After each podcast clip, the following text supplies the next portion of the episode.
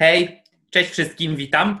E, witamy w kolejnym, trzynastym już odcinku trzeciego sezonu Klasy Atlasa.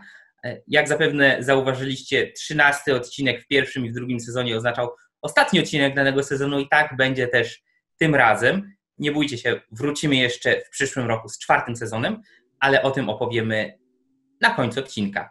Dzisiaj zaś chcieliśmy podjąć kolejny ważny temat, temat związany ze społeczeństwem, temat związany z polityką, temat związany z ludzką duszą, z kodeksem moralnym i z wieloma innymi powiązanymi z tym rzeczami, e, a mianowicie temat mistyków, mięśni i mistyków ducha. Mystics of muscle and uh, mystics of spirit. Of spirit. E, czyli będziemy mówić o temacie, który Ayn Rand poruszyła i najszerzej omówiła w jednym ze swoich esejów, czyli e, w For the New Intellectuals, który to esej szczerze, szczerze polecamy i zachęcamy do jego przeczytania. Nie jest on obecnie przetłumaczony na polski, natomiast e, myślę, że warto podjąć trud i wysiłek przeczytania go w oryginale. Ziemowit, co chciałbyś powiedzieć na ten temat? Ja bym, ja bym dodał, że te wszystkie wątki, które wspom wspomniałeś, są w tej kwestii, jakby są w tym temacie tych mistyków mięśni i mistyków ducha, ale też jest to w dużej mierze spojrzenie historyczne.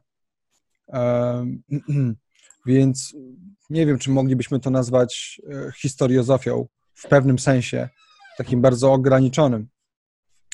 E, więc generalnie idea jest dość prosta i my tutaj oczywiście nie będziemy przedstawiać całego, e, całego tego eseju, bo nie chodzi o to, żebyśmy go e, tutaj w jakiś sposób streszczali. E, natomiast idea jest, jest następująca. Mm, Rand zwraca uwagę na dwa archetypy, które to są dwa archetypy, ale są to równocześnie psychologiczne symbole, ale także moglibyśmy wskazać konkretne jednostki, które podchodziły po ten e, archetyp w historii, a zatem te archetypy mają swoje umocowanie historyczne i to jest niezwykle ważne. To nie jest, to nie jest przypadek, że Rand o tym e, mówi. E, więc jest to przede wszystkim archetyp wodza plemienia. My będziemy go nazywali po prostu Atyllą, to może być król absolutny, to może być dyktator.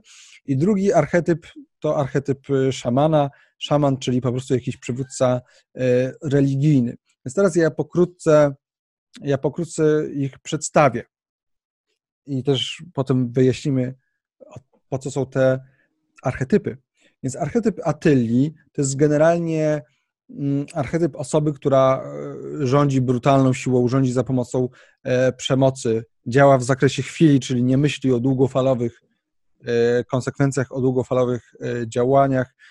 Jedyne to, co go interesuje, to czym, to, czym on się zajmuje, to jest fizyczna rzeczywistość, czyli po prostu to, co widzi bezpośrednio przed swoimi e, oczami. No i oczywiście jedyną odpowiedzią na wszelkie pro, problemy jest albo pistolet, albo pięść, albo jedno i drugie. Tymczasem archetyp szamana E, to jest archetyp, który boi się, to, to, to jest osoba, która boi się fizycznej e, rzeczywistości, boi się też konieczności praktycznego e, działania, tak, działania w rzeczywistości, no i ucieka do, do świata swoich emocji, do jakiejś mistycznej krainy, w, w której jego widzimisię, jego życzenia mają jakąś, jak, jakąś nadnaturalną, jakąś ponadnaturalną moc. E, no i tutaj, mimo jakiejś tam sprzeczności między, między nimi, między Atylą i między e, szamanem, cechuje ich e, ta sama epistemologia, to znaczy to sam, ten sam sposób patrzenia na świat, a mianowicie jest to spojrzenie, które ogranicza się do poziomu percepcyjnego. I oni obaj nie są w stanie lub nie chcą wznieść się na poziom pojęciowy, tak? czyli ten poziom właściwy człowiekowi, dzięki któremu możemy tworzyć e, wiedzę, koncepcje, teorie, naukę, tworzyć instytucje, e, rozmyślać nad naturą ludzi, nad naturą świata. No i Attila patrzy się po prostu na konkrety, które widzi, które widzi przed sobą. Natomiast szaman patrzy się do środka siebie i patrzy się na swoje emocje, na swoje widzimisię, na swoje zachcianki, swoje życzenia i to są takie latające abstrakcje, z którymi on jest związany, czyli to, co nazywa floating abstractions. I to, co jest istotne, to to, że te właśnie abstrakcje, które tak latają gdzieś tam w jego e, umyśle, nie mają zamocowania, nie mają umocowania w rzeczywistości. I dlatego ich epistemologia jest właśnie na tym niższym poziomie e, percepcyjnym. W przypadku Attyli jest to percepcja zewnętrzna, w przypadku e, szamana jest to percepcja zewnętrzna, czyli po prostu. Wewnętrzna. Przepraszam, wewnętrzna, czyli tak, tak, tak, tak. No i generalnie zaraz Ci Mateusz oddam głos. Chciałem tylko jeszcze powiedzieć e, krótko, bo teraz opisujemy te dwa archetypy, a potem przejdziemy do tego, jakie jest zastosowanie w ogóle tak. tego. Sprecyzujemy tego o co chodzi w ogóle w tym takim dość może enigmatycznie brzmiącym na chwilę obecną e, podziale na archetypy. Tak, więc mamy te dwa e, archetypy, wiemy, że mają one podobną e, epistemologię, wiemy, że działają troszeczkę e, inaczej. Attila działa czysto fizycznie, brutalną przemocą, siłą, natomiast szaman boi się rzeczywistości, skierowany jest ku swoim emocjom, z których próbuje którym próbuje przy, przypisać jakąś sprawczość w świecie. Natomiast w konsekwencji, ponieważ zarówno Attila, jak i Shaman są na poziomie percepcyjnym i nie chcą, nie chcą wznieść się na wyższy poziom, to są przeciwko rozumowi. I dla obu z nich wizja racjonalnego poznania, e, wizja odpowiedzialności myślenia jest czymś przerażającym, tak? Oni chcą osiąść na tym, co dane tu i teraz.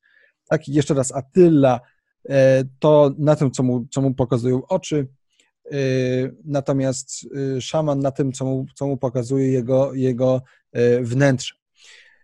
No i ponieważ oczywiście nie wznoszą się na ten poziom pojęciowy, to nie potrafią przetrwać we właściwie człowiekowi sposób, czyli poprzez poznanie tej rzeczywistości i korzystanie z niej. No i tutaj dochodzimy do tego, że oni, że ich sposób przetrwania ostatecznie polega na podbijaniu tych, którzy rzeczywistość poznają. Jest, jest taka e, maksyma Francisa e, Bacona, e, nature to be commanded must be obeyed. Czyli nie można przyrody zwyciężyć inaczej przez to niż, niż inaczej niż przez to, że się jej słucha, czyli trzeba ją rozpoznać po to, żeby móc później coś z nią zrobić. Więc i dla szamana, i dla Atyli takie spojrzenie jest zupełnie, jest zupełnie E, obce. Natomiast mimo, że ich przetrwanie zarówno Atyli, jak i szamana polega na podboju, to troszeczkę się między sobą różni. Ja jeszcze tylko to powiem, a potem już e, dam Mateuszowi głos, bo widzę, że się niecierpliwi, też by chciał coś o, tej, o tych dwóch archetypach e, po, powiedzieć. Więc przetrwanie Atyli opiera się na fizycznym podboju. tak, dla niego ludzie to jest coś danego, tak, jako takie coś prymarnego. On się nie zastanawia nad, e, nad ludzką naturą, w jaki sposób on tworzy, czego przede wszystkim wymaga jego natura, natura e, człowieka. No więc i, i w konsekwencji w wizji świata Atyli nie ma miejsca na pro, produkcję, nie ma miejsca na tworzenie, jest tylko destrukcja i czysta e, siła. No ale właśnie mimo, że całe życie Atyli ograniczony jest do konkretów i do percepcji, no to mimo wszystko ma potrzeby ludzkie, tak jak każdy, czyli potrzebuje jakiegoś punktu, odnieś, jakiegoś punktu odniesienia, jakiegoś całościowego y, oglądu świata, oceny swoich działań, jakiegoś moralnego uzasadnienia. No i tutaj właśnie wkracza szaman. I teraz sposób przetrwania szamana polega na w jakimś sensie pod, podboju Atyli. Tak? Atyla podbija tych, którzy pracują i tworzą, a sam Atyla jest podbity przez szamana, ale nie fizycznie, tylko w sposób duchowy. Jak szaman podbija dusze ludzkie. E, no i to już powie, powiedzieliśmy, że dla szamana emocje są środkiem e, poznania, e, natomiast pragnienia i życzenia mają pierwszeństwo przed faktami. No i i teraz głównym narzędziem szamana jest wejście na teren moralności, czyli i to jest właśnie sposób, w jaki szaman rządzi Attylą i duszami e, ludzkimi. Więc tutaj, Mateusz, chciałbym Ci oddać głos, żebyś nam powiedział trochę o szamanie, a e, moralności. czyli o tym, w jaki sposób właśnie szaman, co on z tą moralnością robi. Jasne. To pozwolę sobie jeszcze najpierw ogólnie powiedzieć parę słów na temat tego podziału no tak. i przejdę do, dalej do moralności jako dziedziny szamana. Aby było zrozumiałe jasno, pamiętajcie, Attylla to jest archetyp owego osiłka, który zajmuje się światem tu i teraz. To jest ten jaskiniowy brutal, to jest ten barbarzyńca, e, to jest ten silny, umięśniony gościu z wielką maczugą, który może dać komuś w łeb i zabrać mu e, to, co akurat tam miał, jakieś kamienne narzędzie, albo żonę, albo upolowanego mamuta. Szaman to jest ten mistyk, to jest ten duchowy przywódca, to jest e, ten plemienny e, szaman właśnie, który odprawia jakieś dziwne rytuały. Jeśli ktoś z Was kojarzy archetypy ze światów e, fantazy albo gra w RPG, to możecie sobie skojarzyć takie jedne z prostszych archetypów, czyli archetyp wojownika albo zbrojnego i archetyp czarodzieja, maga. I teraz weźcie sobie te archetypy, tylko odrzućcie cały sztafaż y, fantazy i umieśćcie je w prawdziwym świecie. Czyli mamy tego wojownika czy zbrojnego, tylko on nie ma już żadnych prawdziwych, faktycznych smoków do zwalczania, a jedyni przeciwko którym może stosować swoją y, brutalną siłą fizyczną to inni ludzie. Więc y, jest ten wojownik, który jedyne co może, jedyne co potrafi, to stosować siłę fizyczną. Względem kogo ją stosuje? No, względem ludzi, na których musi wymusić posłuszeństwo. A po co musi wymusić posłuszeństwo? Dlatego, że oni tworzą rzeczy niezbędne dla jego przetrwania. A więc owemu Attylli, barbarzyńcy, wojownikowi, potrzebni są twórcy, potrzebni są producenci, o czym jeszcze będziemy mówić, ponieważ od nich musi wydrzeć to, co oni będą uprawiali na roli, e, to, co oni e, będą e, tworzyć jako rzemieślnicy i tak dalej, i tak dalej, i tak dalej. Natomiast szaman, weźmy tego czarodzieja, osadzamy go w naszym świecie niefantastycznym, gdzie nie mamy do czynienia z magią i faktycznym wpływem naszych myśli na zewnętrzny świat, tak, nie możemy rzucać zaklęć. No ale ten czarodziej nadal robi jakieś swoje szachermacher, macha rękami, E, i próbuje e, odprawiać jakieś rytuały, tylko że te rytuały nie mają wpływu na faktyczną, obiektywną rzeczywistość, tak jak jest to w fantazy, ale mają wpływ na to, że są w stanie oszukać innych, są w stanie przekonać innych do takiego, a nie innego działania, właśnie za pośrednictwem odwołania się do moralności. Jeśli jeszcze krócej, jeśli e, znacie taka, na takim najbardziej podstawowym poziomie, E, koncepcję Platona, tak, ucznia e, Sokratesa, a nauczyciela Arystotelesa, to Platon miał e, świat idei, świat idealnych form i jego odbicie, czyli te cienie na ścianie w jaskini, w tej jego metaforze jaskini, czyli ten świat materialny, który jest tylko marnym odbiciem. No to patrząc w ten sposób na to, to domeną Attylli, czyli tego brutalnego barbarzyńcy, jest e, świat cieni na ścianie, świat ten, tu i teraz, przyziemny, materialny, dotykalny. Domeną szamana jest e, świat tych niematerialnych idei, świat form. Te światy, to jest najważniejsze, nie mają w tej koncepcji ze sobą bezpośredniego połączenia i nie wynikają wprost jeden e, z drugiego. To znaczy, to nie jest tak, że Attila poznaje świat materialny, za pomocą swoich zmysłów, za pomocą swoich najprostszych możliwych władz poznawczych i później powoli, powoli próbuje tworzyć wyższe e, koncepcje. Nie, Attila skupia się na tu i teraz i pozostaje na poziomie koncepcyjnym, pozostaje na poziomie tu i teraz. Mo może stworzyć jakiś plan, ale ten plan nadal będzie dotyczał, dotyczył przyziemnej rzeczywistości. Sfera e, wyższych koncepcji, sfera pojęć, sfera rzeczy takich jak sprawiedliwość, e, prawa, e, sfera e, rzeczy takich jak kodeks moralny jest dla niego albo nieinteresująca, albo nieistotna, albo niedostępna, albo i to najczęściej zdaje się w niej na szamana. Natomiast w przypadku szamana sfera tu i teraz jest dla niego nieinteresująca, nic z niej nie wynika, nie wyciąga rzeczy, których, które poznaje za pomocą swoich władz poznawczych, żadnych wyższych koncepcji, nie buduje wiedzy pojęciowej. Nie, on od razu zanurza się w tej wiedzy pojęciowej i w niej pływa, tak jak Ziemowit powiedział a propos tych pływających abstrakcji, tak? No, nie wiem, czy można tak powiedzieć, ale e, tutaj Attila posługuje się takim bardzo naiwnym i uproszczonym e, podejściem empirycznym, a szaman takim bardzo naiwnym i uproszczonym podejściem racjonalistycznym. Czyli jeden podchodzi, ok, mnie interesuje tylko to, co mogę dotknąć, zbadać, polizać, e, zjeść i zabrać drugiemu, a drugi mówi, a mnie interesuje tylko e, zawartość mojego i innych ludzi umysłów, idee, które tam się znajdują. I dlatego właśnie domeną szamana jest moralność. Moralność oznacza tutaj wcale nie to, o czym my mówiliśmy, kiedy mówiliśmy o etyce i moralności. Nie. Moralność jest tutaj narzędziem służącym ku zniewoleniu innych ludzi, a zwłaszcza ich umysłów. E, I jest możliwa tylko, jeśli zaakceptuje się jako słuszną i prawdziwą tę dychotomię, którą my e, w poprzednim odcinku odrzuciliśmy, czyli dychotomię tego, co moralne i praktyczne. Szaman, to co praktyczne, zostawia Attylli.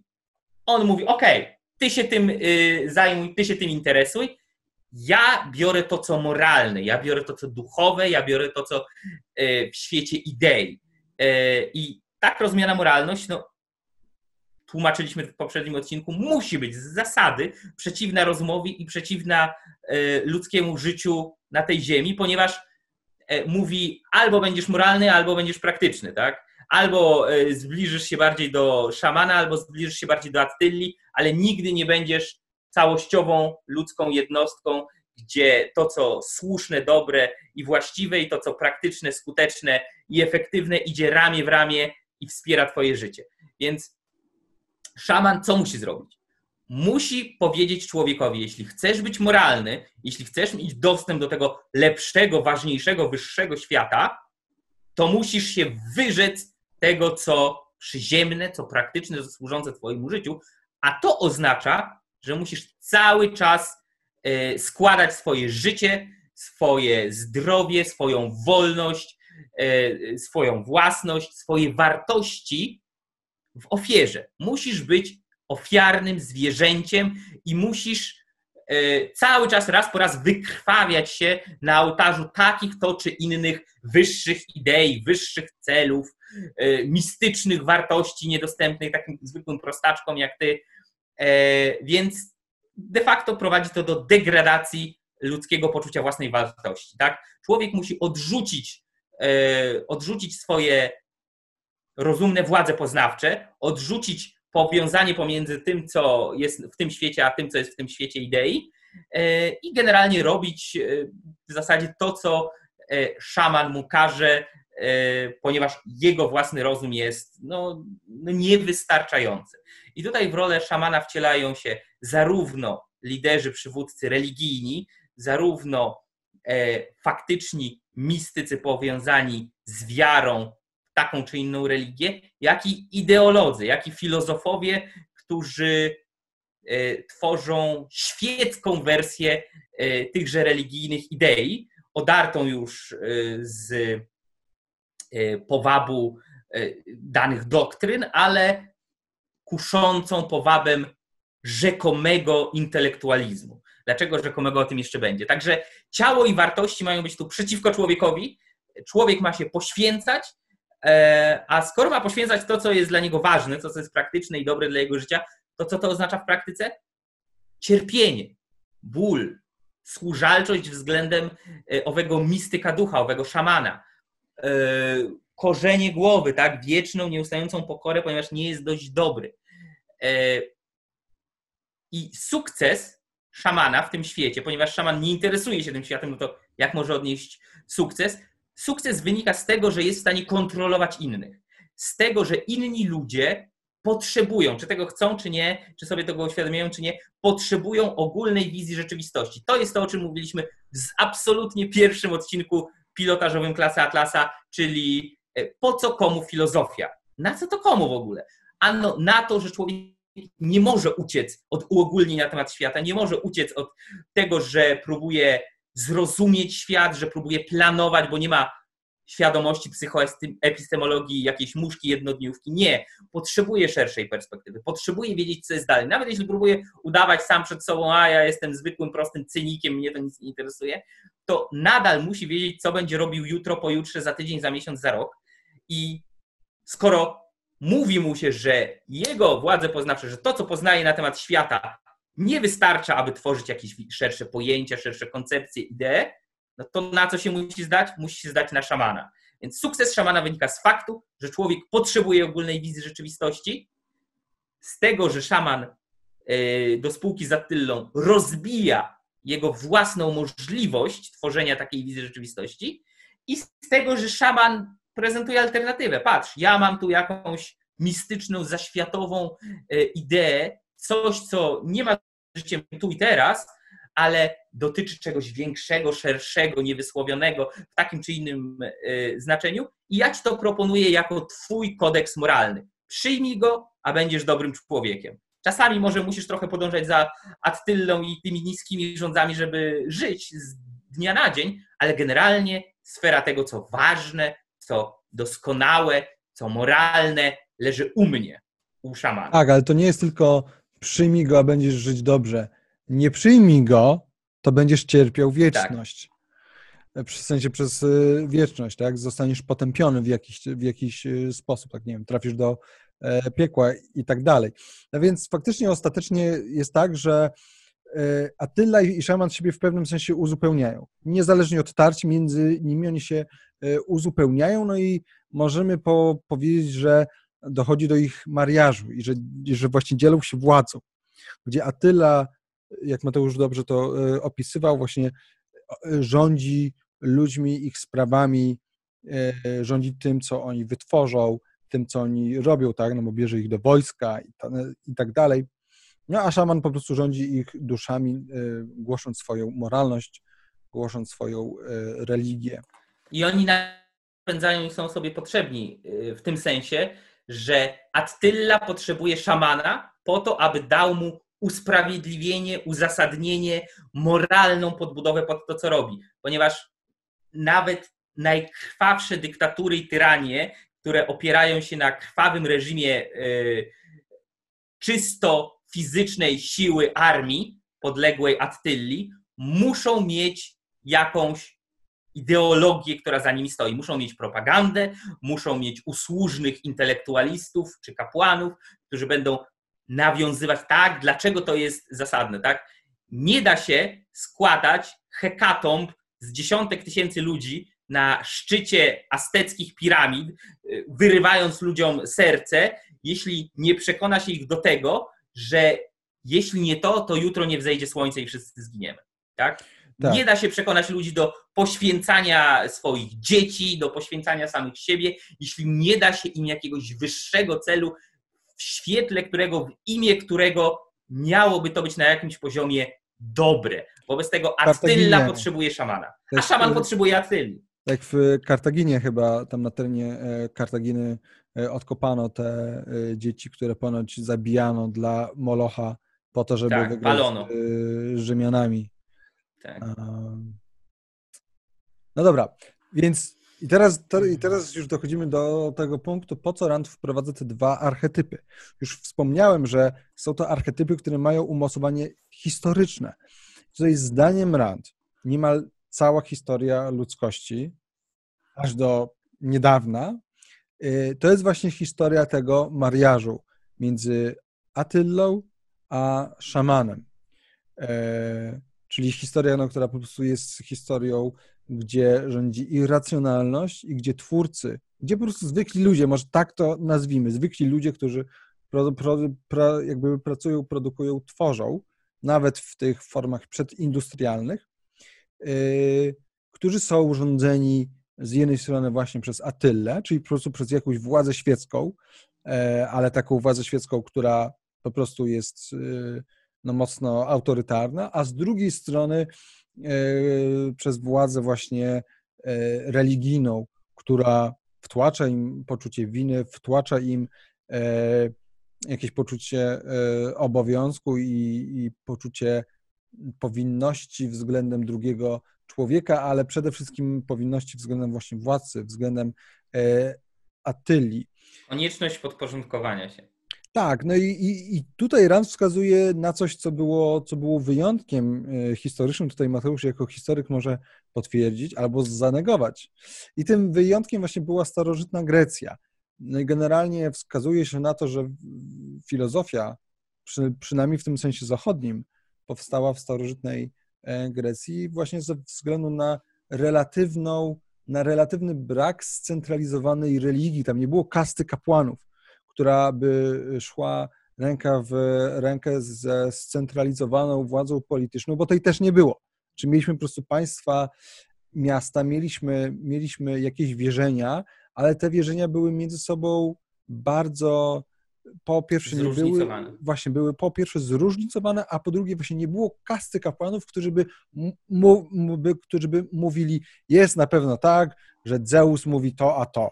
Jak, jak, jak ty twierdzisz, że jest inaczej, to e, jesteś e, heretykiem i tak dalej. Poza wyjątkami w stylu procesu Sokratesa.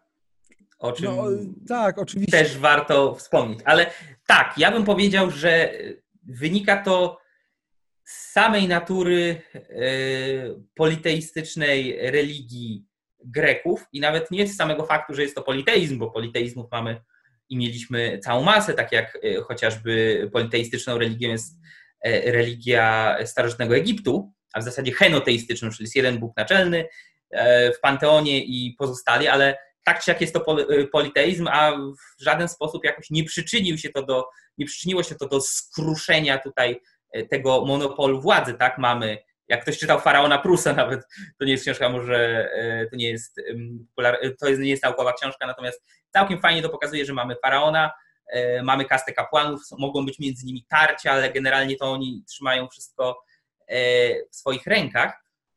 W Grecji wygląda to trochę inaczej, między innymi ze względu na stosunek samych Greków do swoich mitów, do bogów i ze względu na bardzo specyficzny typ postaci, które nie występują na pewno na taką skalę, w takiej ilości w innych religiach, czyli półbogów, herosów pomiędzy ludźmi a bogami, ten stopień pośredni.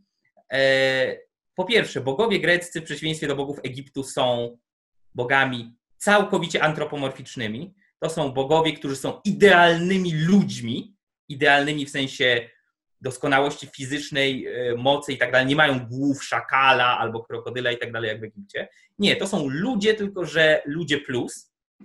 E, po drugie, e, bogowie greccy mają jak najbardziej początek, mają jak najbardziej swoje bardzo ludzkie cele, ambicje, aspiracje, mają ludzkie słabości, mają ludzkie przewiny, tak? To, jest, to, to jest coś, co wcale nie w każdej religii się pojawia. Bóg może zrobić coś złego, obiektywnie złego, coś, z czego musi się później na przykład poddać jakiemuś rytuałowi, tak, aby zdjąć z niego odium tego zła.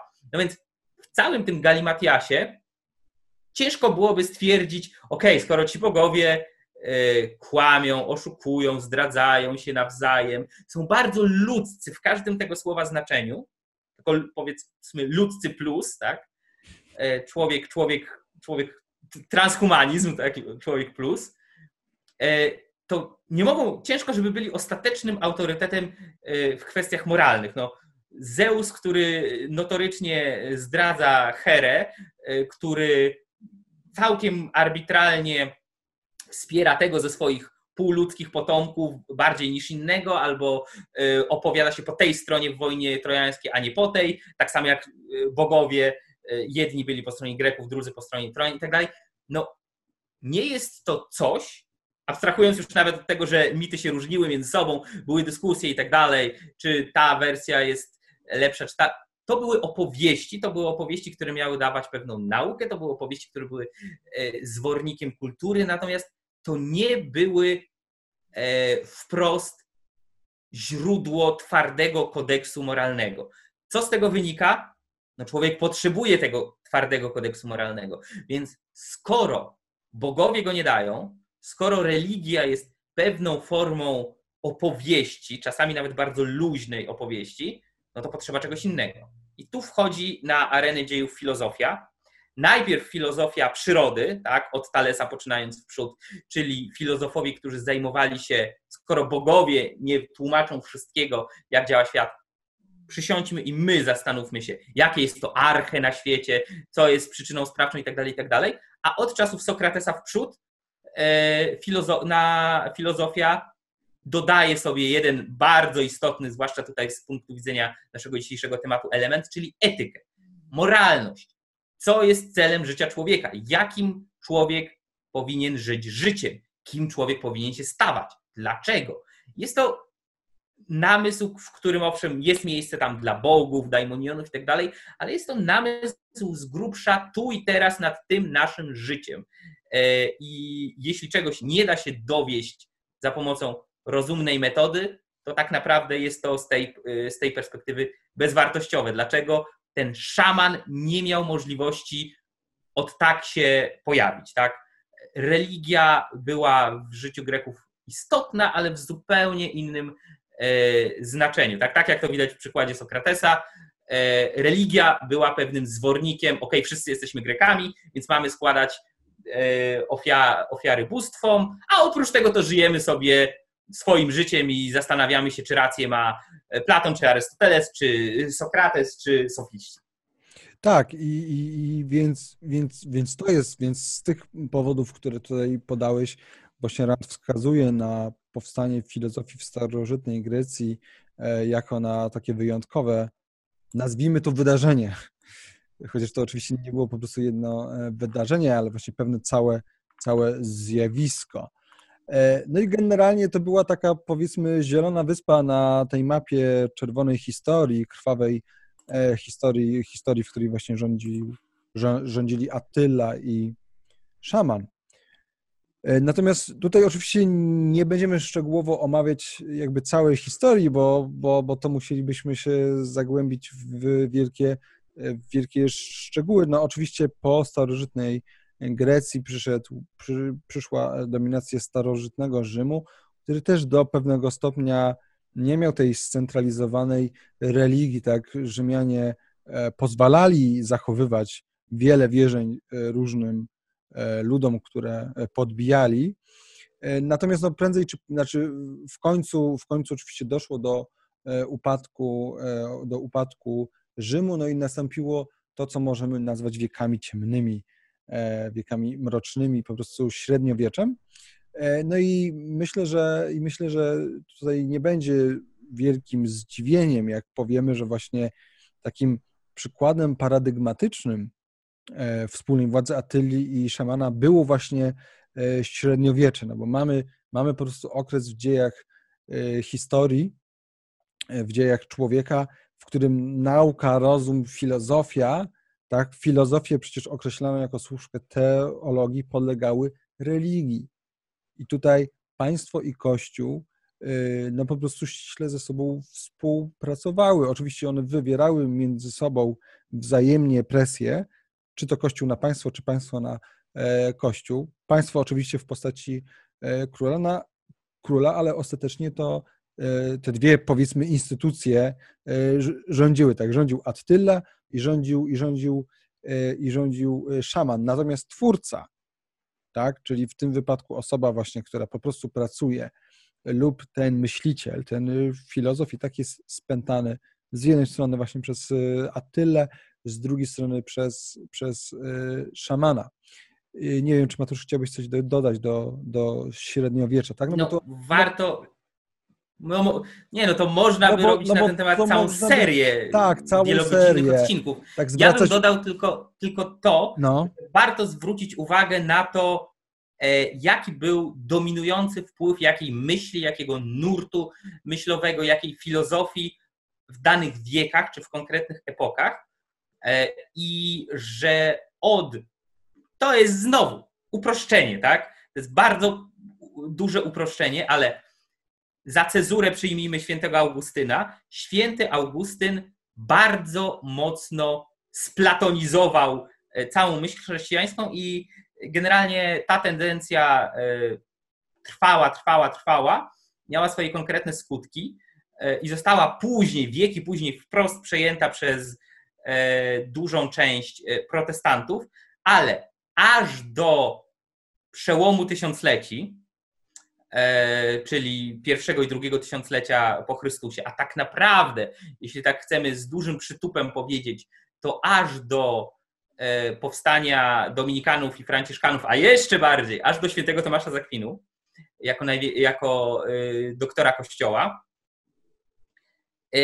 dużo mniejszy był wpływ tej drugiej wielkiej tradycji, czyli arystotelejskiej. Święty Tomasz Zakwinu e, tutaj podążając, idąc w sukurs za niektórymi także myślicielami świata islamu, e, wprowadził z dużym przytupem Arystotelesa z powrotem e, na tron, co przyczyniło się, po pierwsze, nie wprost, ale przyczyniło się do tego, że powstał, powstało tarcie i, a zawsze jak powstaje tarcie między władzą świecką i władzą e, kościelną, to powstaje ta mała sfera ekumena wolności, tak, bo jest, e, papież chce dominować kontra e, władza świecka chce dominować, więc kiedy oni się przepychają, część ludzi może po prostu sobie żyć.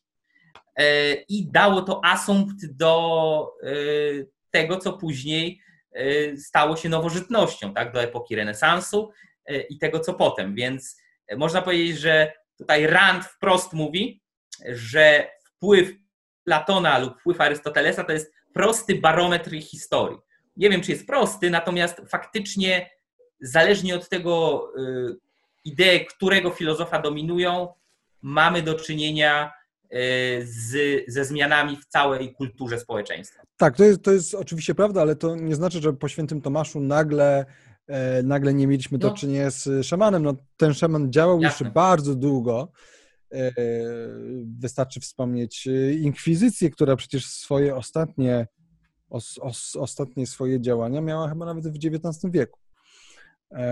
Gdzieś w Meksyku, jeśli dobrze, jeśli dobrze pamiętam, więc, więc, więc, więc oczywiście tutaj Mateusz ma, ma rację, właśnie wskazując na te elementy E, arystotelejskie. Zresztą no, tomizm jest oficjalną e, filozofią Kościoła e, katolickiego, no więc ten Arystoteles jest mocno zakorzeniony w religii katolickiej. Natomiast... Powiedz, powiedz to Franciszkowi, że tomizm jest oficjalny. No tak, nie no, przepraszam. Ale, nie no, no, przepraszam, no sam Jan Paweł II nie był, to, nie był tomistą przecież w ogóle, tak? Tomiści się z nim nie zgadzali jeszcze, jeszcze, jak był, jeszcze jak był e, biskupem. Znaczy filozoficznie to też pewnie później się z nim nie, się z nim nie zgadzali, z jego tym e, personalizmem całym, który, który był mocno zainspirowany filozofią dialogu. Natomiast, e, natomiast przecież trzeba pamiętać o tym, że rozwój fizyki był blokowany przez Kościół między innymi dlatego, że nie zgadzał się z fizyką Arystotelesa.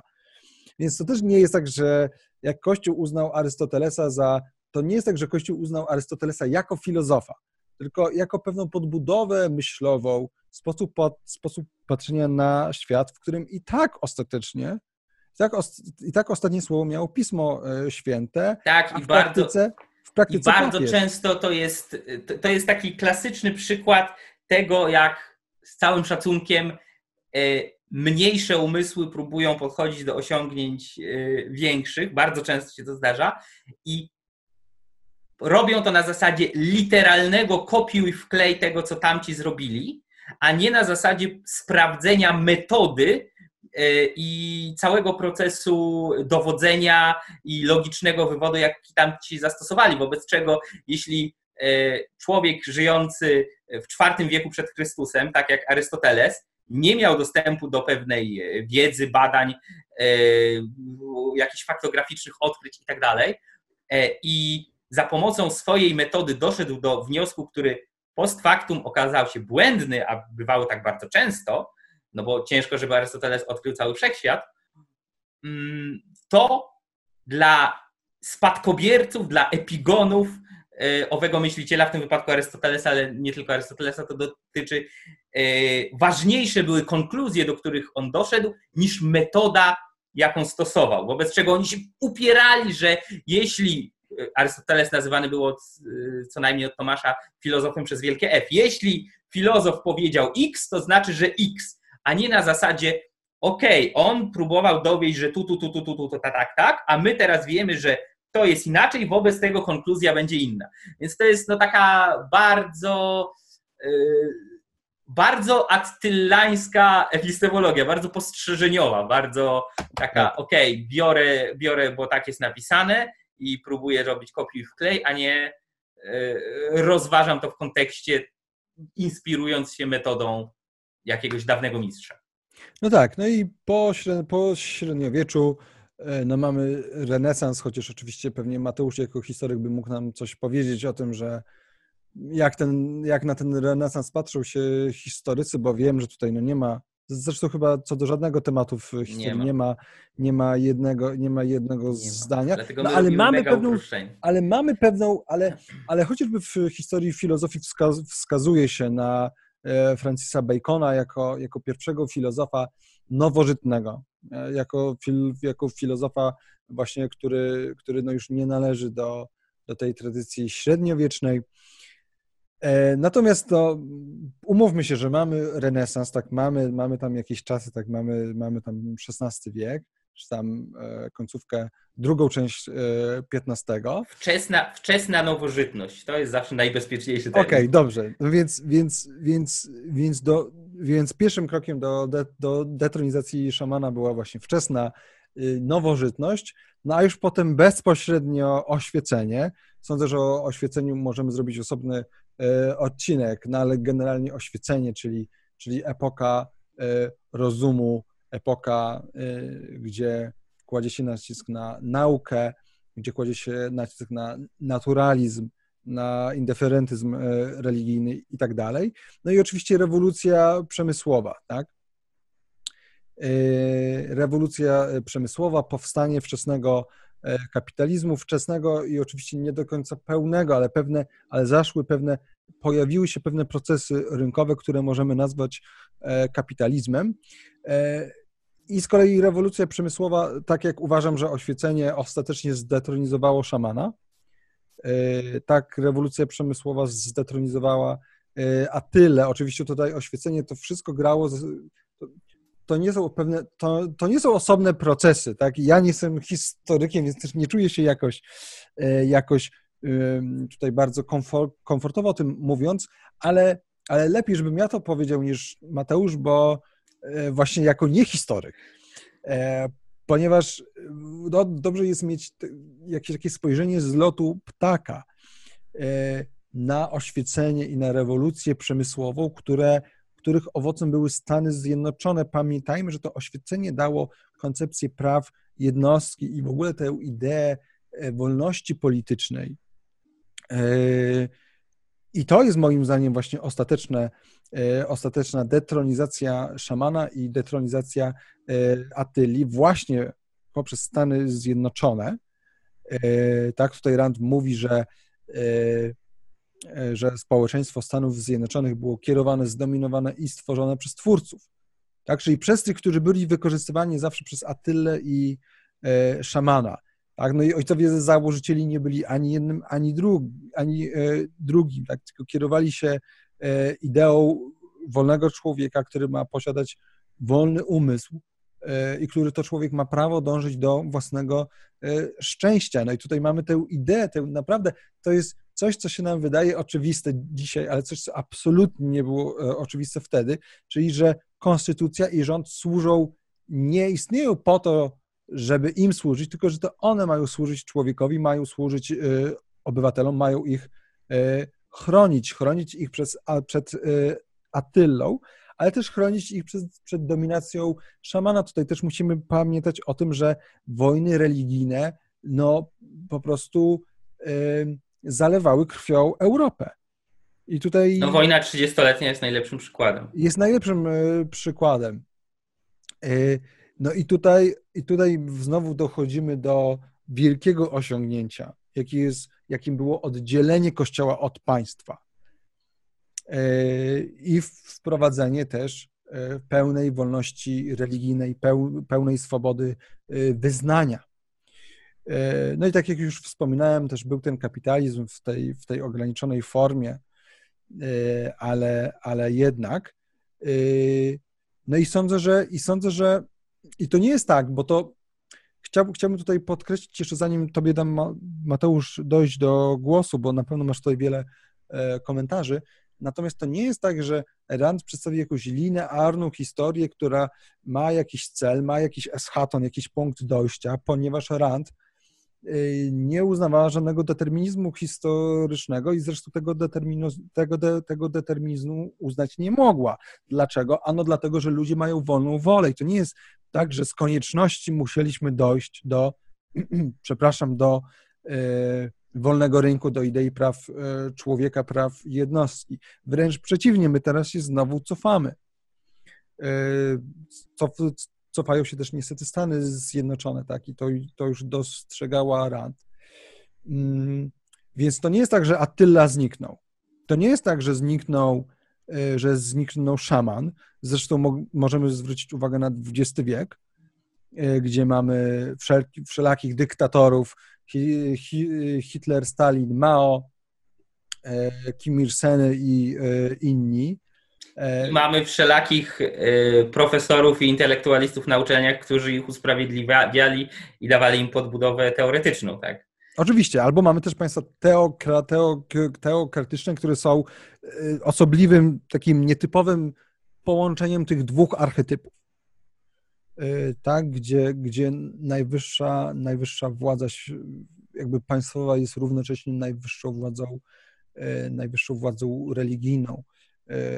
No ale w każdym razie, więc, więc, więc, więc ten, ten, ten archetyp Atylli i archetyp szamana pozwalają nam w pewnym sensie spojrzeć z innej perspektywy na historię, w pewnym sensie unifikując, tę historię, a równocześnie pokazując nam, co w, świecie dom, co w świecie dominowało, a co było niszczone. Niszczony był po prostu człowiek, człowiek jako jednostka, człowiek jako istota, która jest obdarzona rozumem, która musi poznawać świat, żeby, żeby tworzyć, która musi się wymieniać, żeby e, tworzyć, no a jedyną alternatywą jest właśnie wykorzystywanie tego e, człowieka, no i ostatecznie oczywiście niszczenie go i też niszczenie siebie. Ale dobra, ja, ja tutaj się teraz rozgadałem, więc Mateusz, oddaję Ci głos. E, no ja mam tylko parę drobnych uwag. E, po pierwsze, przypominam jeszcze raz, to, co my mówimy, tak jest naprawdę dużym uproszczeniem i chociażby w kwestii oświecenia i oceny oświecenia, pierwszą taką najprostszą rzeczą, którą można by zrobić, to jest e, rozłączenie oświecenia anglosaskiego czy angielsko-szkockiego od oświecenia francuskiego, które były mocno inne w początkach, przebiegu i skutkach, bo jedno skończyło się powstaniem Stanów Zjednoczonych Ameryki, a drugie skończyło się rewolucją francuską, tak, i Napoleonem później. Więc zasadniczo różne skutki i zasadniczo różne idee, mimo że wszystkie nazywamy oświeceniowymi, tak? Więc to, co mówimy, jest pewnym uproszczeniem i musicie mieć tego świadomość. To jest jedna rzecz. Druga rzecz, ktoś może pomyśleć i, i rzucić takie zastrzeżenie, że no to jest tutaj Ayn Rand stworzyła koncepcję historiozoficzną prawie a la Hegel albo Karol Marx. E, I tutaj są o tyle, dlatego ja jestem bardzo Y, ostrożny z używaniem terminu historiozofia. Y, tak jak Ziemowit powiedział, pierwsza podstawowa różnica, która odróżnia Rand od większości pozostałych idei dotyczących szerokiego spojrzenia na historię, to jest to, że tak jak powiedziałeś, Rand nie była deterministką, nie ma żadnego ani takiego, ani takiego, ale koniecznego jakiegoś trybu rozwoju dziejów, E, to jest e, pierwsza rzecz. Druga rzecz, nie ma czegoś takiego jak sztywny podział na jakiekolwiek klasy społeczne e, i nie ma czegoś takiego jak kolektywna świadomość klasowa, tak? u Marksa robotnicy mają konkretną, uwarunkowaną przez te tak zwane materialne środki produkcji świadomość klasową klasy robotniczej, która może być tam co najwyżej oszukiwana i tak dalej. Wyzyskiwacze, czyli, czyli ci źli, czy to na początku feudałowie, czy później kapitaliści, bo tutaj Marx stawiał no, niemalże znak równości, też mieli swoją świadomość klasową. Nie. Koncepcji Ayn Rand nie ma żadnego czegoś takiego jak świadomość klasowa. Człowiek jest jednostką i niezależnie od tego, że idee, myśli, nurty filozoficzne i tak dalej, które e, dominują w danej epoce i e, z którymi się styka, mają na niego wpływ e, i mogą ukierunkować go w tym czy innym kierunku, to człowiek jest niezależnie myślącą jednostką, która ma możliwość odrzucenia danych koncepcji albo przyjęcia ich, e, albo bycia jakimś dysydentem ideowym, jak to się bardzo często e, w dziejach zdarza. Więc nie ma też czegoś takiego jak jakaś kolektywna świadomość danej grupy społecznej, bo ludzie są jednostkami e, i, i tak w ten sposób należy ich oceniać. Dalej, Attila i szaman a nawet bym powiedział Attila szaman i twórca, wel producent, to są pewne archetypy, co oznacza, że są dobrymi narzędziami do e, spojrzenia z lotu ptaka na pewne szerokie zagadnienia społeczne i szerokie zmiany, ale w praktyce większość ludzi na świecie przez większą część historii ludzkości była jakimś miksem tych archetypów, tak? E, rzadko kiedy moż, można było spotkać czystego twórcę lub producenta, który w żaden sposób nie był zainfekowany e, ideami szamana albo w żaden sposób e, nie stwierdzał, że taki czy inny Attila jest jednak potrzebny. Tak? I tak dalej, i tak dalej, i tak dalej. Attila i szaman też często te aspekty pojawiały się w jednej osobie. Ktoś był jednocześnie liderem, bardzo często były rozdzielone, to prawda, ale bardzo często też ktoś był jednocześnie liderem i przywódcą politycznym e, i e, zbrojnym ramieniem jakiejś siły, jak i intelektualistą, czy mistykiem, czy religijnym przywódcą, który dawał podbudowę, tak? No, e, Włodzimierz Lenin był zarówno, przepraszam za przykład, ale no tak, nie, no dlaczego? Dobry przykład. Włodzimierz Lenin był zarówno teoretykiem i ide, ide, ideologiem bolszewickiego komunizmu, jak i politycznym praktykiem, tak? Więc Lenin jest postacią, która by połączyła e, archetyp Attyli i szamana w praktycznie równych proporcjach, tak? Więc jakby trzeba mieć świadomość tego, jak działają uproszczenia i że są uproszczeniami i że nie są przez to mniej wartościowe, bo człowiek potrzebuje tego szerszego spojrzenia, tylko trzeba pamiętać o ich ograniczeniach, tak? E, I o całym kontekście i o złożoności dziejów, tak żeby ktoś zaraz nie wyskoczył, że no tak, to praktycznie to samo, co mówił Hegel albo Marx, albo ktoś tam. E, no nie. Nie, nie. I to też. Poza tym tutaj też jest pewna lekcja, jeżeli chodzi o, myśl, myślę, psychikę ludzką, że są dwie. Pier, pier, pierwsza to jest właśnie psychika e, ludzka, czyli e, w jaki sposób myślą tego typu jednostki, jak Hitler, jak Stalin, jak Attila, no i ci po drugiej stronie, czyli, czyli nie, nie wiem, tam jacyś papieże i tak dalej. Czy oczywiście mówimy z czasów, w których e, był ten mariaż, tak? My tu nie mówimy o tym, że teraz istnieje głowa kościoła y, i istnieje przywódca jakiś polityczny, nie wiem, prezydent e, Andrzej Duda, więc to jest szaman i e, Attila. Nie, nie, nie. To jakby chodzi nam, chodzi nam o czasy, Przychodzi nam o takie modele państw, które istnieją też e, przecież dzisiaj, e, w których po prostu jednostka jest podporządkowana tej władzy. Tak, ta władza jest mniej lub bardziej totalna. Więc to jest, więc to jest też istotne, tak? Więc na przykład, e, no nie wiem, Oktawian August, czy powiedzmy późniejsi cesarzowie, oni nie byli, po, oni nie byli połączeniem Atyli i szamana, może niektórzy tak, no ale Marek Aureliusz na, pew, na pewno nie tak? bo tam nie było tej scentralizowanej religii, która nakładała na wszystkich po prostu e, jedno spojrzenie na moralność.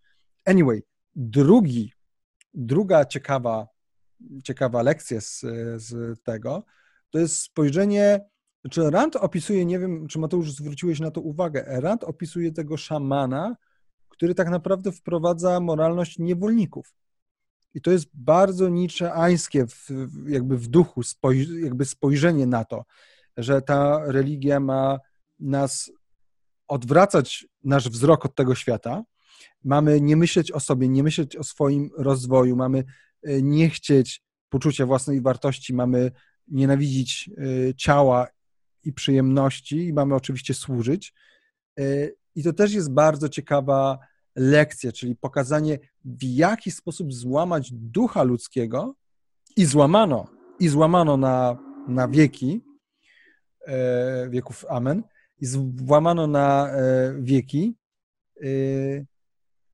właśnie poprzez wprowadzenie, po, poprzez jątrzenie takiej moralności w umysły i dusze ludzi. Ale to już tak wspominam trochę. Ja bym polecił tutaj y, przeczytanie y, przemowy czy y, rozmowy Ellswortha Tucheja z Peterem Keatingiem z ostatniej części z końcówki źródła, The Fountainhead, tak, to jest... ponieważ jest to świetny tekst, który obrazuje właśnie mentalność i moralność i działania tych, którzy chcą zniewolić drugiego człowieka. Naprawdę to polecam. Mm, nawet na kanale obiektywizm.pl u nas jest chyba dostępna, y, dostępna ta przemowa Ellswortha Tucheja w wersji audio. Więc jak ktoś jest leniwy, to może sięgnąć po to. No dobra, to właściwie tyle, ile chcieliśmy, chcieliśmy Wam dzisiaj powiedzieć. Dziękujemy Wam bardzo za oglądanie. Tak jak powiedzieliśmy, jest to ostatni odcinek tego sezonu. E, natomiast e, po nowym roku będzie e, sezon czwarty. Będzie to sezon, w którym omówimy kolejne dwa duże działy. To będą dwa duże bloki tematyczne. Pierwszy będzie dotyczył epistemologii, czyli natury poznania, teorii pojęć i wolnej woli, ale też zmysłów i e, percepcji, a kolejny będzie dotyczył filozofii społecznej i polityki e, obiektywistycznej. E, więc to będą dwa takie duże bloki. Oczywiście też czekają nas inne tematy poza tymi blokami. Więc, no więc też chcieliśmy Wam podziękować za ten, za ten sezon. Chcieliśmy Wam życzyć udanych świąt, e, udanych świąt Bożego Narodzenia e, i też wesołego nowego roku. Nie wiem, co prawda, na dzień dzisiejszy wiem, że można zaprosić pięć osób na pięć, pięć osób na Wigilię, ale nie wiem, ile osób można zaprosić na Sylwestra. Także... Tak, no ja ze swojej strony także chciałbym życzyć Wam wszystkim, wszystkim słuchającym i wszystkim ludziom dobrej woli w ogóle, zdrowych, spokojnych, E, radosnych świąt Bożego Narodzenia spędzonych na tyle, na ile to tylko będzie możliwe e, w gronie najbliższych. Mam nadzieję, że rząd e, nie będzie tutaj nadmierną przeszkodą. Udanego Sylwestra, szczęśliwego Nowego Roku, oby 2021 był znacznie, znacznie, znacznie lepszy niż 2020. Na chwilę obecną, kiedy nagrywamy ten odcinek i przypuszczam, że w momencie, kiedy wy macie go okazję widzieć, e, no nie wiemy jeszcze do końca, jak będą wyglądały w tym roku te święta. Mamy jakieś pewne sugestie ze strony władz, ale wiadomo, że zmienia się to jak w kalejdoskopie. E, także e, trzymamy kciuki i liczymy, że będzie możliwie normalnie i no, możliwie faktycznie świątecznie. Także jeszcze raz wesołych świąt, szczęśliwego nowego roku. Trzymajcie się, dzięki wielkie za wspólne bycie z nami w tym trzecim sezonie. Do zobaczenia po nowym roku i widzimy się w czwartym sezonie klasy Atlasa. E, nie zapomnijcie o nich. Tak, bo my nie zapomnimy też o Was. Także trzymajcie się i do usłyszenia. Czołem. Wesołych świąt.